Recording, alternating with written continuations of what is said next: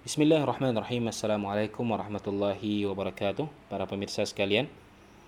Uh, Alhamdulillah puji syukur kita kepada Allah Subhanahu wa taala tentunya atas segala limpahan dan nikmat yang diberikan kepada kita. Kemudian tidak lupa salawat beriring salam semoga selalu tercurah kepada baginda Nabi sallallahu alaihi wasallam. Para jemaah sekalian, ini adalah pertemuan kita yang pertama kita akan membaca hadis-hadis yang ada di Sunan Abu Daud. Sekaligus sedikit mungkin kita akan uh, mengupas ringkas saja namun tidak banyak. Kita akan memulai dari hadis yang pertama kitab taharah. Ya. Para ulama banyak menulis kitab-kitab hadis ya mengumpulkan kitab-kitab hadis-hadis yang berkenaan dengan uh, ibadah ya, dengan berkenaan uh, tata cara beribadah ya kitab-kitab fikih terutama itu selalu memulainya dengan kitab taharah yaitu bab bersuci. Karena bab bersuci ini adalah bab yang paling penting untuk kita bahas. Coba kita bayangkan dalam kehidupan sehari-hari kita ya tentu kebersihan itu sesuatu hal yang bagus ya mendatangkan manfaat bagi tubuh manusia. Nah perlu diketahui bahwa Islam begitu perhatian terhadap kebersihan ini. Makanya sampai uh, kita lihat bagaimana syariat Islam mengatur tentang bagaimana cara membersihkan, ya, membersihkan tangan, ya, kemudian menyela-nyela jari. Bahkan menyela-nyela jari itu kalau sekarang dalam praktek cuci tangan pun ada menyela-nyela jari, ya tidak asal-asal cuci tangan. Islam sudah mengajarkannya lebih awal ya, lebih dulu, 1400 tahun yang lalu. Nabi Shallallahu Alaihi Wasallam mengajarkan bagaimana cara membersihkan tangan ketika berwudu sampai dengan siku. Ya semuanya tentu karena inilah kelebihan agama Islam di atas agama-agama yang lainnya. Bahkan orang-orang Nasrani, ya, mereka adalah orang yang memang sama sekali tidak memperhatikan bagaimana tata cara bersuci, taharah, Orang-orang Yahudi, mereka adalah orang-orang yang berlebih-lebihan dalam bertahara. Bahkan dikatakan dalam hadis ketika Rasulullah Shallallahu Alaihi Wasallam suatu ketika uh, di istilahnya diejek karena Nabi Shallallahu Alaihi Wasallam pada waktu itu buang air kecil hajat ya dalam posisi duduk dan kemudian menutup hadapannya dengan tamengnya bermaksud agar menutup aibnya auratnya ya. Karena ketika waktu itu buang hajat maka dilecehkan oleh seseorang dan berkata kepadanya itu seperti seorang wanita yang sedang buang hajat. Lalu Nabi Shallallahu Alaihi Wasallam kemudian bersabda dan mengatakan kepada orang tersebut ketahuilah bahwasanya orang Yahudi dahulu mereka tatkala terkena kotoran ataupun najis pada pakaiannya kemudian mereka memotong ataupun menggunting pakaiannya yang terkena najis tersebut. Lalu lantas kaumnya tidak senang dengan perbuatan tersebut dan mengatakan bahwasanya tidak usah demikian, tidak usah berlebih-lebihan. Santai saja dengan kotoran ataupun najis yang menempel itu tidak masalah karena sedikit ataupun lain sebagainya. Dan kemudian Nabi lanjutkan sehingga orang tersebut meninggalkan hal tersebut lalu Allah taala mengadabnya di dalam kubur billah wa na'udzubillahi min dzalik eh, tentu itulah hal-hal yang perlu kita perhatikan dalam uh, bersuci. Bahkan bersuci pun itu sudah sangat penting karena dia adalah menjadi syarat sahnya ibadah. Ya, syarat sahnya suatu ibadah.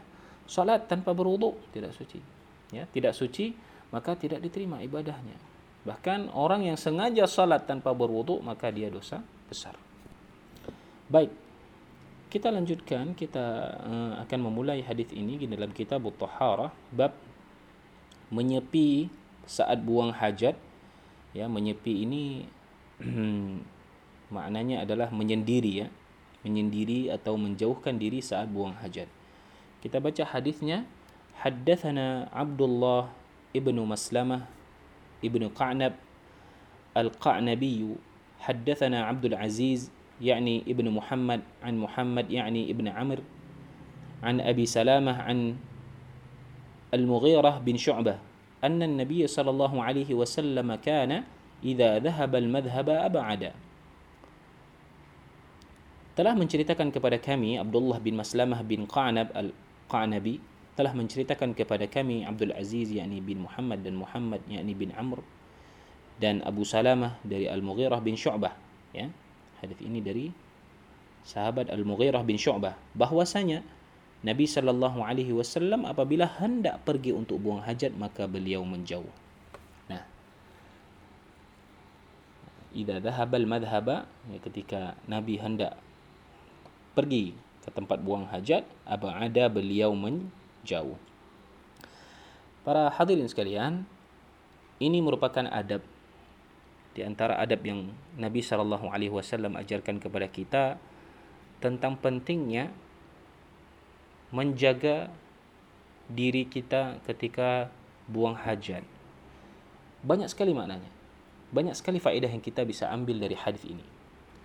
Yaitu tentang bahwa seorang muslim hendaklah tidak sembarangan ketika dia buang hajat di tempat terbuka ya di tempat umum di tempat orang-orang bernaung ya bahkan sampai dikatakan al-la'anain dua orang yang dilaknat yaitu orang-orang yang buang hajat di jalan-jalan manusia, jalan-jalan yang orang lewat pada umumnya dan juga di tempat bernaungnya manusia, di bawah pohon, di halte dan lain sebagainya kan banyak tempat-tempat yang orang-orang bernaung, orang-orang berkumpul di situ. Maka itu sangat dilarang.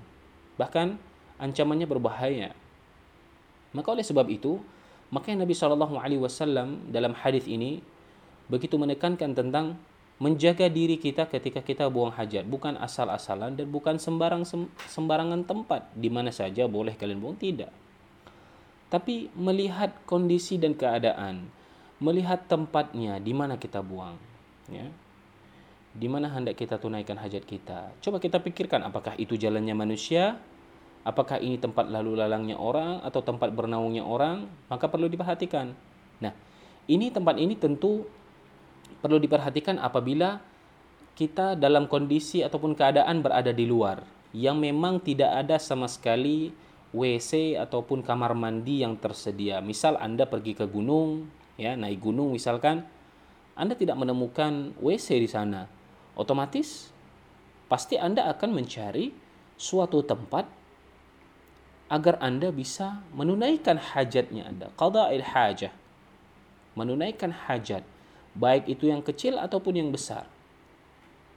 Tidak seperti sebagian orang yang tidak memperhatikan tempat menunaikan hajatnya di pinggir jalan ataupun di sekitar jalan itu dan di depan umum di depan mungkin di depan teman-temannya sendiri ketika naik gunung tidak malu dia tidak merasa malu padahal di situ ada uh, lawan jenisnya walaupun memang auratnya tidak tampak tapi hendaklah dia menyembunyikan dirinya minimal tidak tampak bahwa dia sedang melakukan hal tersebut atau sedang menunaikan hajat.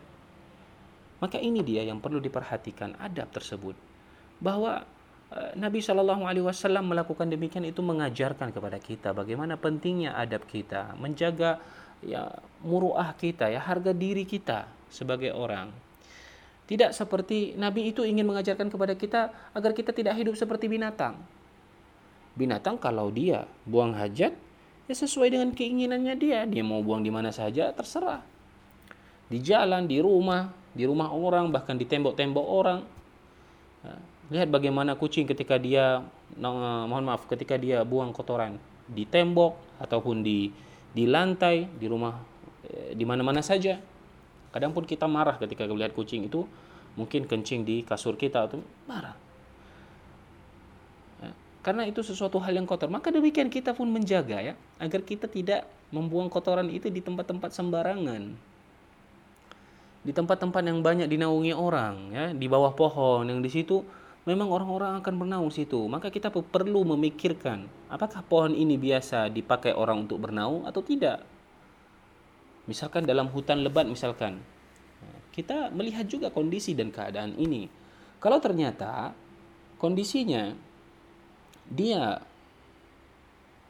uh, memakai apa namanya uh, tempat tersebut dipakai untuk orang-orang lain berteduh di sana, maka itu dilarang untuk kita kencing di situ atau buang air di situ. Atau bahkan yang sering kita ketemukan adalah di pinggir-pinggiran jalan. Ada sudut-sudut tempat ya, mohon maaf kita katakan misalkan di situ ada tempat keramaian dan kerumunan, misalkan ada pangkalan kah atau apa atau tempat-tempat duduk-duduk mobil ataupun di terminal-terminal sering kali tercium bau tidak sedap. Ketika kita lewat di terminal ataupun di tempat-tempat padahal itu adalah tempat berkumpulnya manusia. Maka ini sungguh sangat mengganggu apalagi bau pesingnya itu sampai menusuk ke hidung kita billah. Maka oleh karena itu Rasulullah mengajarkan kepada kita akhlak. Akhlak dan adab. Agar kita tidak hidup seperti hewan yang bebas di mana saja tidak. Perlu diadakannya syariat tersebut. Nabi SAW mengajarkannya agar manusia ini tidak hidup secara demikian asal-asalan. Tapi hidup dengan adab, akhlak dan tata cara yang sesuai dengan kodratnya manusia, sesuai dengan uh, dirinya manusia yaitu dia harus menjadi orang-orang beradab dan memperhatikan orang lain karena dia hidup di dunia ini tidak hidup sendiri. Kalau hewan dia mau buang asal saja ya maklum karena dia tidak punya akal. Tapi sedangkan manusia, manusia ini punya akal, dia bisa berpikir. Kalau dia kencing di situ, maka orang lain akan terganggu dengan bau tersebut, dengan bau kotoran yang dibuang di situ. Bahkan yang sangat-sangat, ini kita katakan, mungkin hadis ini bisa kita ambil faedah tentang buang sampah. Ini sering kali orang buang sampah sembarangan. Bukankah sampah itu kotoran? maka kita bisa ambil istimbatul ahkam ya, mengambil hukum dari hadis-hadis tentang membuang kotoran tidak di tempat pada umum, tempat pada umum. Begitu juga dengan sampah. Sampah tidak boleh dibuang di tempat-tempat umum, di terminal, asal-asalan. Semua sudah disediakan tempatnya. Begitu juga ketika kita buang hajat, sudah ada WC di terminal. Di situlah kita buang. Begitu juga sampah, jangan buang asal-asalan.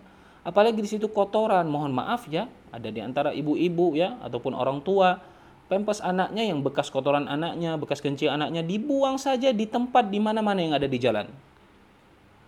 Jadi mohon kita juga perlu kesadaran diri. Nah, dan yang paling lagi yang tidak mengenakkan adalah terkadang ini harus menjadi peringatan bagi kita ataupun teguran bagi kita. Bagi orang-orang yang mempunyai kendaraan ataupun mobil. Hendaknya mereka perhatianlah terhadap sampah-sampah ini. Ada orang yang memiliki mobil ya bisa dikatakan mobil mewah lah. Ya. Tapi yang mirisnya mereka membuang sampah ke jalan. Sampah permen. Tidak, ini sampah yang besar mereka beranikan botol atau apa. Pertanyaan saya, apakah di mobilnya itu tidak ada space ruangan untuk tempat sampah? Apakah dia tidak bisa mencari tempat sampah atau menunggu sesaat aja, sejenak saja untuk membuang sampah nanti ketika dia sampai ataupun berhenti di suatu tempat? Bisakah demikian? Karena kebanyakan yang kita lihat begitu di jalan tol, di pinggir jalan, dilempar saja ke mana-mana saja sampahnya itu. Padahal mohon maaf yang kita bilang ya, ini yang buang ini bisa jadi orangnya S1, S2, S3. Sekarang ke mana pendidikan tinggi yang mereka bawa? S1-nya mereka cari ilmu tinggi-tinggi sampai luar negeri, California, Amerika. Tapi soal perkara ilmu membuang sampah mereka harus belajar dari orang-orang miskin, orang-orang yang tidak belajar. Mereka kaya, mampu-mampu melitong sampah. Bahkan yang lebih bagus, bahkan otomatis mungkin, bahkan bisa uh, dia ya dengan macam variasi bisa tidak mm, keluar bau dia kan bisa dia beli dengan duit yang dia punya tapi sampai di sini ternyata mohon maaf apakah mereka tidak bisa memikirkan hal tersebut yang herannya kalau buang di jalan boleh tapi kalau bagaimana coba kalau pikirkan kalau sampah dibuang di rumahnya? Begitu marah besar. Kalau rumah mereka ada sampah. Bahkan dimarahin pembantunya kalau ada sampah di rumahnya. Nah tapi kalau dia buang di jalan dia tidak marah. Santai saja. Karena dianggap itu umum, nggak apa-apa nanti juga sampahnya hilang. Ini sungguh pemikiran yang cetek. Bahkan sekelas profesor pun bisa kita bilang kalau dia sekolah, udah kuliah sampai S3, tapi ternyata masih buang sampah sembarangan, maka patut dipertanyakan S3-nya itu. Itu S3-nya itu untuk apa? Dia ambilkah untuk hanya keperluan dirinya, keperluan perutnya, sampai dia tidak memikirkan sosialnya, masyarakatnya, hanya untuk dirinya sendiri dia ambil ilmu tersebut. Tapi tidak bermanfaat bagi lingkungannya, hanya mencemari lingkungan. Lebih baik dia tidak usah kuliah di sana. Ataupun dia batalkan S3-nya. Para hadirin sekalian, eh, inilah dia praktek ilmu yang eh, harus kita tanam dalam diri kita. Kita orang yang berilmu, orang yang tahu tentang banyak sekali perkara. Kalau ngomong ya mantaplah di mana saja dia bicara. Tapi untuk urusan yang perkara-perkara seperti ini dia tidak mampu melaksanakannya. Maka para jemaah sekalian yang dimuliakan, ya para hadirin, Ah, begitu banyak tentunya pelajaran yang diajarkan oleh Nabi tentang bagaimana cara membuang hajat. Itu ketika Nabi Shallallahu Alaihi Wasallam mencontohkan bahwa ketika membuang hajat Nabi Shallallahu Alaihi Wasallam bahkan beliau menjauh dari pandangan manusia agar tidak terlihat dan tentunya tadi menjaga agar tidak tercium bau-bau yang tidak sedap karena ya mungkin pada zaman Nabi tidak terdapat WC-WC seperti zaman sekarang. Tentu zaman sekarang sudah beda. WC ada di mana saja. Cuman namun sangat disayangkan ini lagi-lagi bagi kita semuanya orang-orang pemakai WC termasuk WC umum yang ada di mana-mana, yang ada tempat di mana pun di bandara, di terminal. Tentunya kita haruslah menjaga kebersihan. Maka masuk ke dalam hadis ini yaitu menjaga kebersihan WC baik yang ada di terminal ataupun di tempat-tempat umum. Tidak sembarangan buang kotoran. Na'udzubillah bagaimana bisa kotoran itu naik ke tembok-tembok.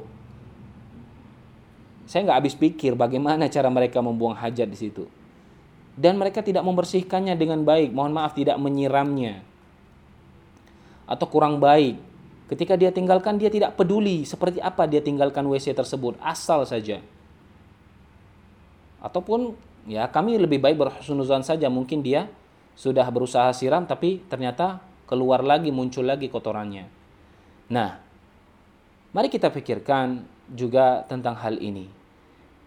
Bahwa Nabi untuk menjauhkan dirinya agar hal-hal yang buruk itu tidak tampak pada orang lain. Maka demikian juga dalam penggunaan WC yang ada di penggunaan WC yang ada di terminal ataupun di jamban-jamban yang ada di tempat umum, hendaklah dia membersihkannya, menghilangkannya dari segala kotoran-kotoran yang ada.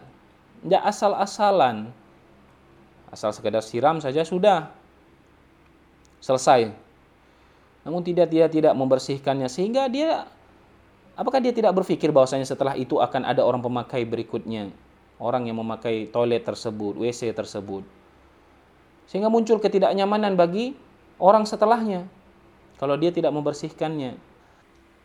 Baik, mungkin ini saja hadis yang pertama dari Sunan Abu Daud. Hadis yang pertama, insya Allah kita akan kembali nanti lanjutkan di pertemuan berikutnya dengan hadis yang kedua.